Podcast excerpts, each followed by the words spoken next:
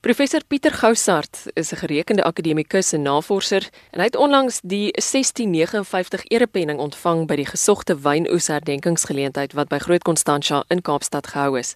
Dis die eerste keer dat 'n wingerdboukundige die erepenning van die Groot Constantia Raad ontvang. Kollegas uit die bedryf sowel as van die Universiteit van Stellenbosch en verskeie oudstudente het hier die geleentheid gekry om vir Goussart dankie te sê vir sy aandag aan detail Sy geesdrif, die lewenslesse wat hy mense geleer het, sy geduld, integriteit, sy sin vir humor en ook sy reuse bydrae tot die Suid-Afrikaanse wynbedryf. Maar kom ek vertel jou eers meer oor hierdie betrokke toekenning. Nou die persoon of instansie wat met die erepenning vereer word, moet 'n wesenlike bydrae lewer waarvan daar bewyse moet wees.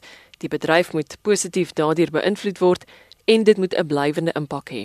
Dit gaan ook aan iemand wie ander se lewens verander en verbeter en wie dit reg gekry het om dit met innoverende idees te doen wat prakties toegepas kan word. Dit moet ook ander aanmoedig en inspireer om dieselfde of selfs beter te doen. Kom ons bring dit nou eers terug na die wenner van vanjaar se toekenning en ek is baie bly om vir professor Goussart op die program te verwelkom. Professor, baie geluk. Ek kan my indink dat hierdie toekenning vir 'n mens baie beteken. Baie dankie, Louise. Inderdaad was dit so. Ek was heeltemal die veld geslaan, dit glad nie verwag nie, maar ek voel geëerd dat hierdie toekenning na my toe kon kom. Ek wil graag hoor van die pad wat gelei het tot hier. Die pad kom eintlik baie ver. Dit eh, is asof wingerdbou in my familie, my pa en my oupa al klare groot rol gespeel het. Die bloedlyn strek verder want oral waar ek was, was daar wingerd onder my pa, oupa en oupa grootjie se hande. Vakansiewerk was later in die agterperel in die uitgestrekte tafel en wynry wingerde het my ook weer nader gebring aan die wingerdstok. So daar was my nie 'n keuse nie. Ek wou graag in wingerdkunde en wynkunde wynbou daardie tyd verder studeer. Wel in 1971 ook in Februarie is ek toe aangestel as as 'n uh, dosent in die huidige departement wingerd en wynkunde. Min wetende dat dit my tweede tuiste sou word vir die volgende 40 en meer jaar. Dit is altyd vir my wonderlik om te hoor van die vele interessante loopbaangeleenthede binne die wynbedryf. Wel daar is geweldig baie werkgeleenthede in die wynbedryf. As jy nou dink aan die wyn spesifiek, is daar baie werk in 'n kelder van koöperatiewe kelder in 'n landgoed om druiwe te verwerk in wyn. Op grond van die verbouing van die stokke wat jy moet hê, jy moet goeie druiwe hê om uh, wyn van te maak. Kan jy indink daar is geweldig baie werksgeleenthede daar. Van grondvoorbereiding af vir die wingerd om te plant, van die plant van stokke, die oprigting van perieelstelsels, die snoei van daai stokke, jare se wintersnoei, loewerbestuur toepas, oppas vir siektes, gedurig stokke te monitor en te kyk. So is eintlik deurlopend. As die een aksie klaar is, dan begin die volgende aksie. Alles in die winter met die wingerstok want jy wil op die oomblik goeie druiwe gee om goeie wyn van te maak. Professor Goussart het in 1965 as 'n voorgraadse student by die departement wingerdbou en wynkunde aan die Universiteit Stellenbosch aangesluit en in 2010 daar afgetree as professor in wingerdbou. Nou kyk, navorsing is noodsaaklik as dit kom by die uitbreiding van die wynbedryf, maar as 'n mens soveel liefde het vir wat jy doen, moet dit tog sekerlik maak dat jou bydrae selfs nog groter gaan wees. Waaraan sou jy jou geesdrif vir die wingerdstok toeskryf? My geesdrif vir die wingerdstok sou toeskryf aan dis iets vir 'n wat jy kan aanvat. Die blare byvoorbeeld, sommige blare, wat seker kultivars voel dik en grof, ander blare is dun en liggroen. Maar elkeen het 'n spesifieke eienskap wat sê dit is of sien blank of die Chardonnay. Kan nie anders wees nie. Of dit is Pinotage of is Cabernet Sauvignon. Dan die lower het my altyd geïnteresseer aan die blare dak en dan veral ook natuurlik die trosse. Is dit tros silindries? Is dit tros geskouer? Is dit tros konies? Is hy valkoïd? Is die korrels rond of is dit 'n kort ovaal of lank ovaal of ovoïd of oboïd?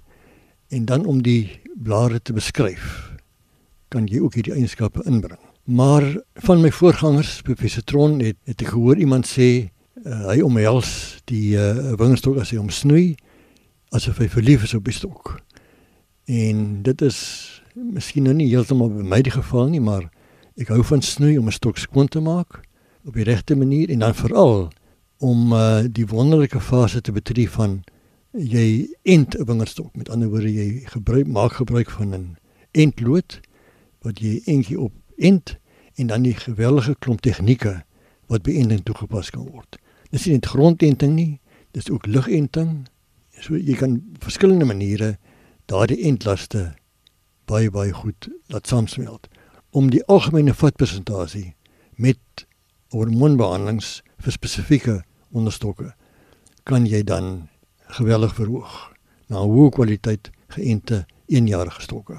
Hoe het wingerdbou sedert 1965 en 2019 in Suid-Afrika verander? Inderdaad was daar groot veranderings. Eers het ons net bosstokke gehad. Vandag is bosstokke baie skaars. Jy kry dit nog by stokke wat geweldig oud is. Baie mense sê maar wingerdverbouing is deesdae 'n baie duur proses. Dit was eintlik altyd 'n duur proses en jy het te doen met 'n ding wat jy net eenmal 'n een jaar aangaan gee nie. Jy moet dwars deur die jaar voorberei vir die volgende seisoen. Maar ek dink nie dat die verbouing van wingerdstokke in Suid-Afrika sal ooit heeltemal platval nie. Alles dui daarop dat dit nou weer momentum gekry het. Ek wil hoor van die mense wat die grootste indruk op jou gemaak het tydens jou loopbaan.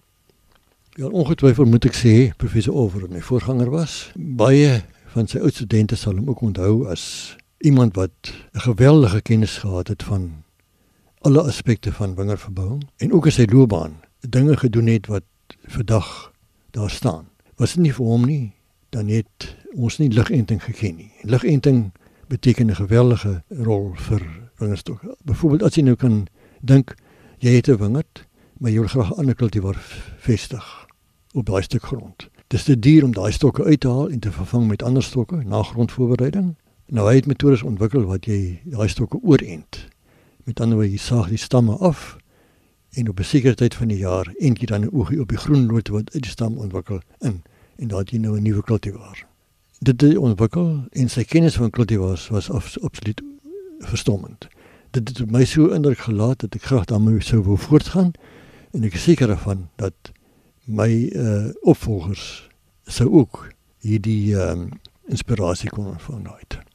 Nou kyk, jy's 'n baie gerekende fotograaf ook. So ek moet jou vra, hoe het jy fotos gebruik om die stories van druiwe te vertel? Ag, seker van kuns af was ek maar liever, jy moet maar kikkies neem. En in my onderrig of dit nou gaan oor wingerd siektes, abnormaliteite of oor enting of oor wingerdblare spesifiek, moes jy gebruik maak van kleurskyfies daai tyd. Uiteindelik was daar honderde kleurskyfies want alle aspekte van enting moes jy doen. Alle aspekte van die pad wat 'n wat 'n klein eksplant van 'n wingerdstokkie in 'n proefhuis moet neem voor hy geautomatiseer word, moes dit fotografies vas lê. Nou ja, daarvoor was kleurskyfies gebruik, maar later met die digitale era kon ons toe die uh, digitale kamera begin gebruik om my die drie boeke oor gekom het in die later jare om uh, dit te gebruik om daai boeke aan te vul mee. En ek kon hierdie goed kombineer in uh navorsingsuitsette of tegnologie oordrag aan die bedryf en aan die studente. Wat is jou raad aan mense in ons land wat op die oomblik met studente te maak het? Draai jou passie vir die ek glo elkeen moet moet 'n passie hê en 'n liefde vir die ding waarmee jy werk. Draai daardie passie en liefde skep dit by jou studente in. En jy kan dit inskerp as jy self nie 'n passie het nie. Jy moet dit gebruik, maar jy moet altyd oop wees vir oortuiging deur hulle en jy moet ook baie geduldig wees. Jy moet kan sien om 'n blykbare moeilike begrip aan hulle te verduidelik. Al sou hulle ook 10 maal vra, hoe werk presies wat is die stappe byvoorbeeld wat 'n eindlas deurgaan om uh, 'n goeie eindlas te vorm vir die kwekerybedryf. Professor Pieter Goussart het onlangs die 1659 erepenning ontvang by die gesogte wynoes herdenkingsgeleentheid wat by Groot Constantia in Kaapstad gehou is. Dis die eerste keer dat 'n wingerdboukundige die erepenning van die Groot Constantia Raad ontvang. Pieter, mense sê dat jou bydrae die wynbedryf verander het in ons land. Wat sê jy daarop? Ek dink as 'n mens praat van verandering dan moet 'n mens veral na drie aspekte toespits. Die een is daar word baie werk gedoen op virusse My standpunt was nog altyd as jy kan ontslaa raak van 'n virus deur die maniering, dan hoef jy nie baie bekommerd te wees oor dat hy nog daar is nie. So ek dink hierdie plantmateriaal verbetering het 'n baie baie groot rol gespeel in die uh, bedryf dan ook die die noem dit maar die groeide geleerde behandelings wat toegepas kan word om spesifiek kallusvorming en beworteling by spesifieke onderstokke te stimuleer. Het ook 'n baie groot rol gespeel in die kwekerybedryf. En ek dink die boeke oor die een oor kultivaarkunde en die een oor die natuurlike verloop van of die jaarlikse groei siklus van 'n wingerdstok wat net fotos is en kort beskrywings en dan die abnormaliteite boek. Dink ek dis drie boeke waar sonder 'n wingerkundige nie maklik sou optimaal kon opereer nie. En aan die bedryf wil ek graag die boodskap gee dat vorentoe baie goed moet gaan met hulle as 'n groot familie en dat alle uitdagings vorentoe in seëvierende hoogtepunte omskep mag word. Is baie welkom om na nog van ons programme te gaan luister deur dit af te laai op www.rsg.co.za en op elsenburg.com. My naam is Eloise Pretorius en ek groet jou tot volgende keer.